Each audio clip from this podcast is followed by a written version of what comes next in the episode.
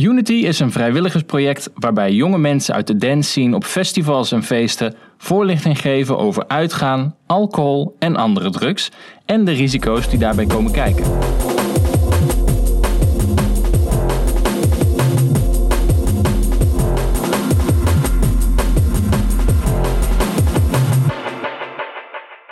Sommige maanden hebben veel bijzondere dagen en andere weer iets minder.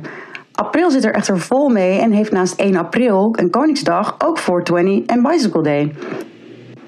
Over die laatste twee leerde je waarschijnlijk niets op school. Dus daarom vertellen wij jou vandaag waarom 19 april voor veel psychonauten een hele bijzondere dag is.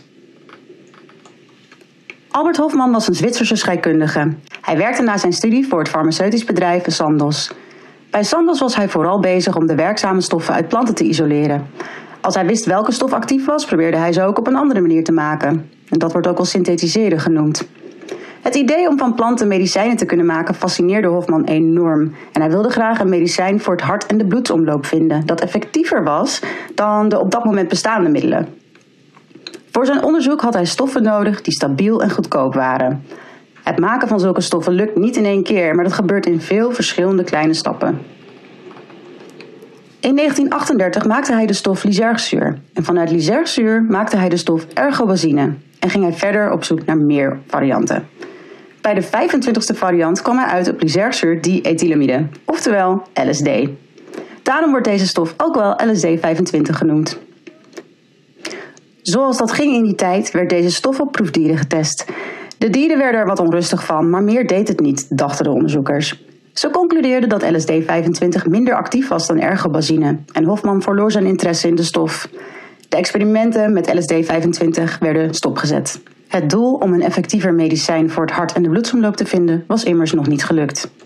Op de een of andere manier bleef de stof LSD-25 wel in Hofmans gedachten rondhangen. Daarom haalde hij het vijf jaar later weer van de planken. Waarom is hem nooit helemaal duidelijk geworden en hij heeft er nooit een logische verklaring voor kunnen geven. Het gebeurde eigenlijk nooit dat al onderzochte stoffen weer opnieuw bekeken werden. Toch plande hij een synthese op 16 april 1943.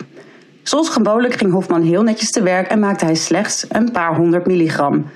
Hij moet in contact zijn geweest met de stof, want toen hij een uur later bezig ging om de verontreinigingen uit de synthese te halen, begon hij zich een beetje raar te voelen. Hij voelde zich wat rusteloos en duizelig en werken ging niet meer en daarom ging hij naar huis. Thuis kwam hij in een droomachtige staat met kaleidoscopische visuals en dit duurde maar een uur of twee. Het werd hem niet helemaal duidelijk hoe het nu was gekomen dat hij zich zo voelde, maar hij vermoedde wel dat het te maken had met LSD-25.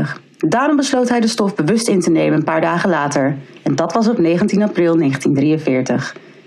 Ook nu ging hij weer heel voorzichtig te werk en koos hij, dacht hij, een lichte dosis van 250 microgram.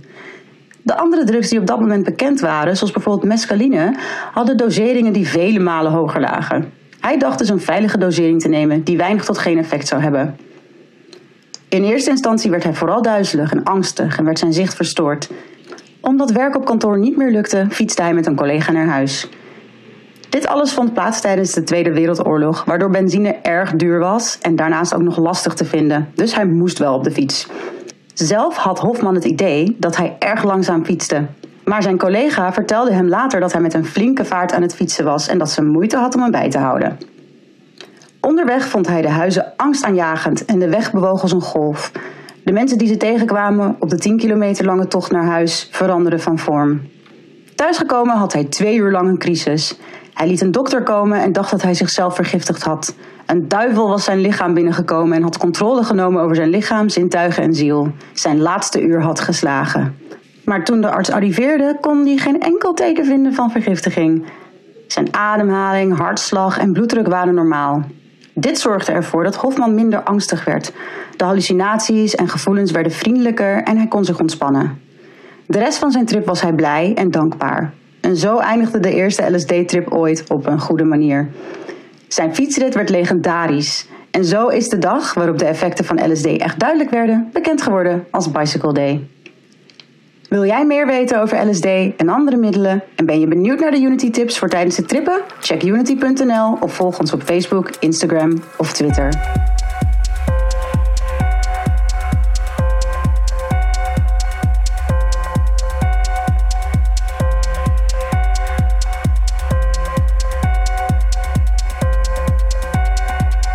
Dit was een podcast van Unity. Dank voor het luisteren.